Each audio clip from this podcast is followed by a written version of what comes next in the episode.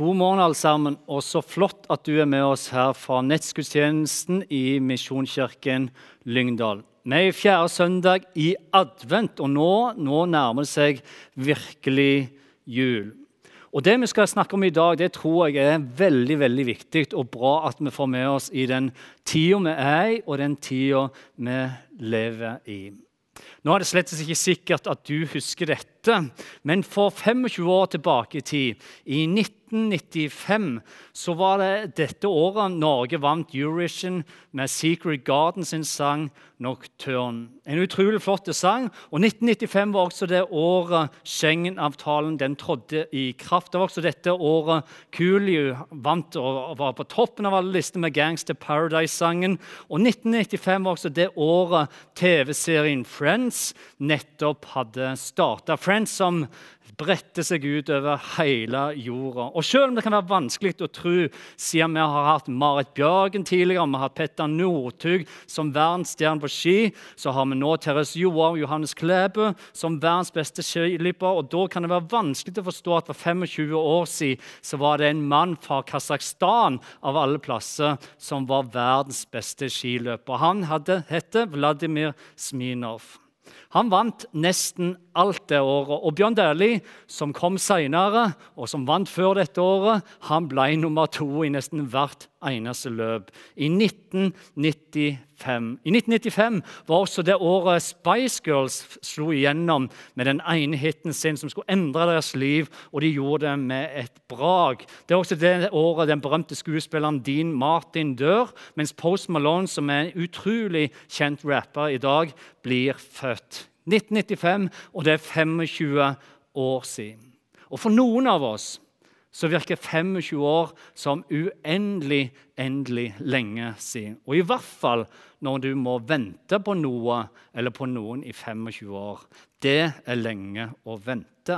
Og nå vet jeg ikke hvordan det var for deg hjemme på julaften, men jeg kan ennå huske at som barn når vi vokste opp, så var det en del venting. Og spesielt dette her med gaver var noe å vente på. Fordi hjemme hos oss hadde vi nesten som jeg vil kalle en grufull tradisjon. Jeg vet Det er vanlig i mange hjem ennå, men som barn å vente på gavene, det var lenge. Først skulle vi spise middag, og så skulle vi spise dessert. Og så skulle alt vaskes opp før vi endelig fikk lov til å ta tak i gavene. Og det er lenge å vente. altså. Da føles fem minutter nesten som en time eller to. Og Selv om mor og far og de voksne sa trøstende ja, Jim, nå må du huske på at den som venter, den venter ikke forgjeves, så virker det ikke som om dette virker på meg i det hele tatt. For ventetida, den var lang. For 4000 år siden så sto det en gammel mann ved navn Abraham i en ørken i Midtøsten. Det var en varm kveld, og Abraham går ut og han søker Gud. Og han søker Gud som han har gjort mange, mange ganger før. Men denne kvelden er alt annerledes. For idet Gud kommer til Abraham, så hvisker Gud til Abraham noe som Abraham skulle få konsekvenser for hans liv for alltid. Og det han hvisker, dette her Dra bort fra landet ditt, Abraham, og fra slekta di og fra farshuset ditt, til det landet som jeg skal vise deg. Ja, jeg vil gjøre deg til et stort folk, Abraham. Jeg vil velsigne deg og gjøre navnet ditt stort. Du skal bli til velsignelse. Og Når vi leser videre, så skjer det noe utrolig interessant. Fordi det Gud videre sier til Abraham, er dette. Jeg vil velsigne deg som velsigner deg, men den som forbanner deg, vil jeg forbanne. I deg, Abraham, skal alle slekter på jorda velsignes. Og det er klart, Når vi 4000 år seinere leser dette nå i dag, så vet jo vi en del mer enn Abraham visste. Fordi vi vet jo at Gud holdt sitt løfte, og vi vet det fordi vi kan lese historien etter Abraham og Gud. Og Da leser vi en historie om en Gud som holder sine løfter. Mens Abraham når han står ute i ørkenen og hører den hvisken fra Gud, overhodet ikke hadde noe peiling på hvordan dette skulle skje. Han står der, han er 75 år, kona Sara er gammel. Hvordan skal dette skje? Men Gud gir Abraham et løfte. I han så skal alle slekter på jorda velsignes. Og Nå vet jeg ikke hva du tenker om dette. Men hvor lenge hadde du holdt ut? Hvor lenge hadde du venta stort på at det Gud sa, det kom han også til å holde? Venter vi på Gud i ei uke? I to uker? Snakker vi om en måned eller to? Ett år? Eller venter vi i to år? Vel, Abraham, som nå var 75 år, han nærmer seg fødselsdagen sin igjen. Men ikke 76-årsdagen, og ikke 77-årsdagen heller. Det er ikke 80 og heller ikke 85-årsdagen han nærmer seg. Men Abraham han nærmer seg 100-årsdagen. Og ennå så venter Abraham på høre hvisken fra Gud. Han går og venter på løftet som Gud skulle gi. Og Det skal gå nesten 25 år for Abraham hører fra Gud igjen. Og Selv om dette her nok sjokkerte både han og kona Sara, for hun lo av Gud, så ble det umulige mulig med Gud. For Gud han fortsetter sin historie. Det han har lovt, det holder han. Og Abraham, som hørte fra Gud for 25 år siden, fikk nå svaret som han venta på. Vi er nå siste søndag i advent. og Selve ordet advent det kommer fra et latinsk ord som heter adventus. Adventus redemptoris, eller adventes domini, som betyr Frelserens ankomst eller Herrens ankomst. Noe som igjen betyr at advent det handler jo i grunnen om en ankomst. Det handler om at en venter på noen som skal komme. En venter på han som skal komme. Men hva venter i grunnen meg og deg på i dag? For en kan forstå at de som venta før Jesus på profetiene på at Messias skulle komme. En kan forstå at de venta, men Jesus han kom jo. Han kom til stallen, han kom til Betlehem, og han vokste opp, og han ble frelsa. Men hva venter vi på i dag i gården? I Bibelen, og fra nesten første side til den siste så Hvis du ser veldig godt etter, så vil du se at det fins utrolig mye venting i Bibelen. Der venter folk på barn som ikke kommer. De venter på fred, og de venter på frihet.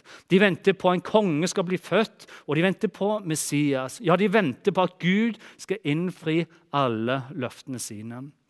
Flere steder i Bibelen kan du lese at de lever mens de venter. Og de venter i generasjon etter generasjon. De lever, og de dør mens de venter vente. Og Det er først når du ser hvor utrolig mye venting det er i generasjonen som har gått før oss, hvor utrolig mange historier og mennesker som må vente gjennom hele Bibelen, at en tenker og forstår at Gud må jo ønske å si noe til deg og til meg gjennom ventetida. En skulle jo tro at Gud ønsket å nå oss mennesker med et budskap, siden det er så mye venting. Fordi Moses måtte vente i 40 år i ørkenen før det skjedde det som Gud hadde lovt. Folket han befridde, måtte vente fire år i slaveriet i Egypt før de kom fri. Josef han måtte vente i 22 år, og Paulus måtte vente i 17 år. Og Selv om profeten Jesaja sto fram og profeterte om tida da Guds sønn ja, Jesus skulle komme til jorda, så skulle det gå 730 år før det skjedde, det som det står. Derfor skal Herren sjøl gi dere et tegn. Se, den noen jenter skal bli med barn og føde en sønn, og hun skal gi ham navnet Immanuel. 730 år etter profetien kom. Og etter alle profetene hadde stått fram og pekt på det som skulle komme der framme, så skulle det gå hele 400 år med total stillhet og ingen profeti og ingen lyd fra himmelen til jorda. Det er lenge å vente. Når Lukas' evangelium skal beskrive Jesus' sin fødsel og inngangen til Jesus her på jorda, så er det i grunnen en historie som svinger fram og tilbake mellom himmelens glede og entusiasme og varme på denne sida og jordens kulde, avstand og skepsis på denne sida. Det svinger fram og tilbake. For når Josef og Maria etter en lang lang reise endelig er framme i Betlehem, så skriver Lukas det sånn som dette. Og mens de var der, kom tida da hun skulle føde. Og hun fødte sin sønn, den førstefødte. Hun svøpte ham og la ham i en krybbe, for det var ikke rom, det var ikke husrom for dem der. Og Jeg vet ikke hva du tenker om dette, men det profetene hadde profetert, det generasjonene hadde venta og lengta og bedt om, velsignelsen Gud hadde lovt Abraham for 4000 år siden, var her nå. Men ingen så for seg at Gud virkelig kom. Ingen så for seg at han kom som en tjener og som et barn. Og derfor var det ingen som fant husom for Gud når han bøyde seg ned. Ingen var forberedt når Gud kommer, og når Gud gir sin sønn til denne jorda. Det er også derfor, når kostnaden var så stor, Gud bytta sin sønn med våre liv. Når prisen Gud måtte betale ved å gi sin sønn på et kors. Det er også det som gjør at denne setningen her nok er en av Bibelens aller såreste setninger. For det står Han kom til sitt eget, og hans egne tok ikke imot ham. C.S. Lewis, som er forfatter av mange flotte bøker, han er kjent for filmserien 'Legenden om Narnia', han skriver det sånn som dette. Det syns for meg umulig å beholde vår tro på guddommelighet og Kristus og sannheten om den kristne åpenbaring mens vi forlater eller til og med vedvarende neglisjere den lovde og hindre det tilbakekomst av Jesus Kristus i noen gjenkjennelig form. Ja, Jesus kommer igjen. Og det er det C.S. Lewis skriver om her. Vi som lever i dag, vi må aldri, aldri glemme. Aldri miste håpet og troen på det løftet der. Fordi Jesus gir oss tydelig signal og tydelig signal om at han skal komme igjen. Han fortsetter, og så skriver C.S. Lewis at vi kan ikke neglisjere det. Det faktum at Jesus han sa dette til oss, at en dag så vil han komme igjen for siste gang for å hente sine hjem. For det Jesus sjøl sier, er dette. Vær forberedt Vær forberedt, dere også. Som Abraham, som folket før, de som hørte profetiene, de som ledet opp til Betam og stallen, de som var der før oss. Vær forberedt, dere også. For menneskesønnen kommer i den time dere ikke venter dem. Ja, som Abraham ble fullstendig overraska når Gud kom tilbake og innfridde løftet sitt. 25 år etterpå, akkurat som folk ikke forsto og nesten hadde glemt at Gud holdt på sine løfter. Ja, akkurat som folket for 2000 år siden ble totalt overraska og ikke hadde rom eller plass eller ikke var forberedt på at Herren kom, så har vi også fått et løfte som gjelder for dagen i dag. Du og meg har fått et løfte fra Gud, et løfte som han kommer til å oppfylle, og som han ber om at vær forberedt. For Jesu hilsen til deg og til alle som lever i denne tida nå, og som går inn på denne siste søndag i advent og skal inn i jula Jesus' løfte til oss nå i dag er dette her. La ikke hjertet bli grepet av angst. Tro på Gud og tro på meg. Og Så fortsetter han og sier i mitt fars hus så er det sånn som dette. I mitt fars hus så er det mange rom. For var det ikke slik, hadde jeg da sagt dere det, at jeg går og vil gjøre i stand et sted for dere. Og Så fortsetter Jesus å si, og når jeg har gått og gjort i stand et sted for dere, når jeg er ferdig med dette, hva vil Jesus gjøre da?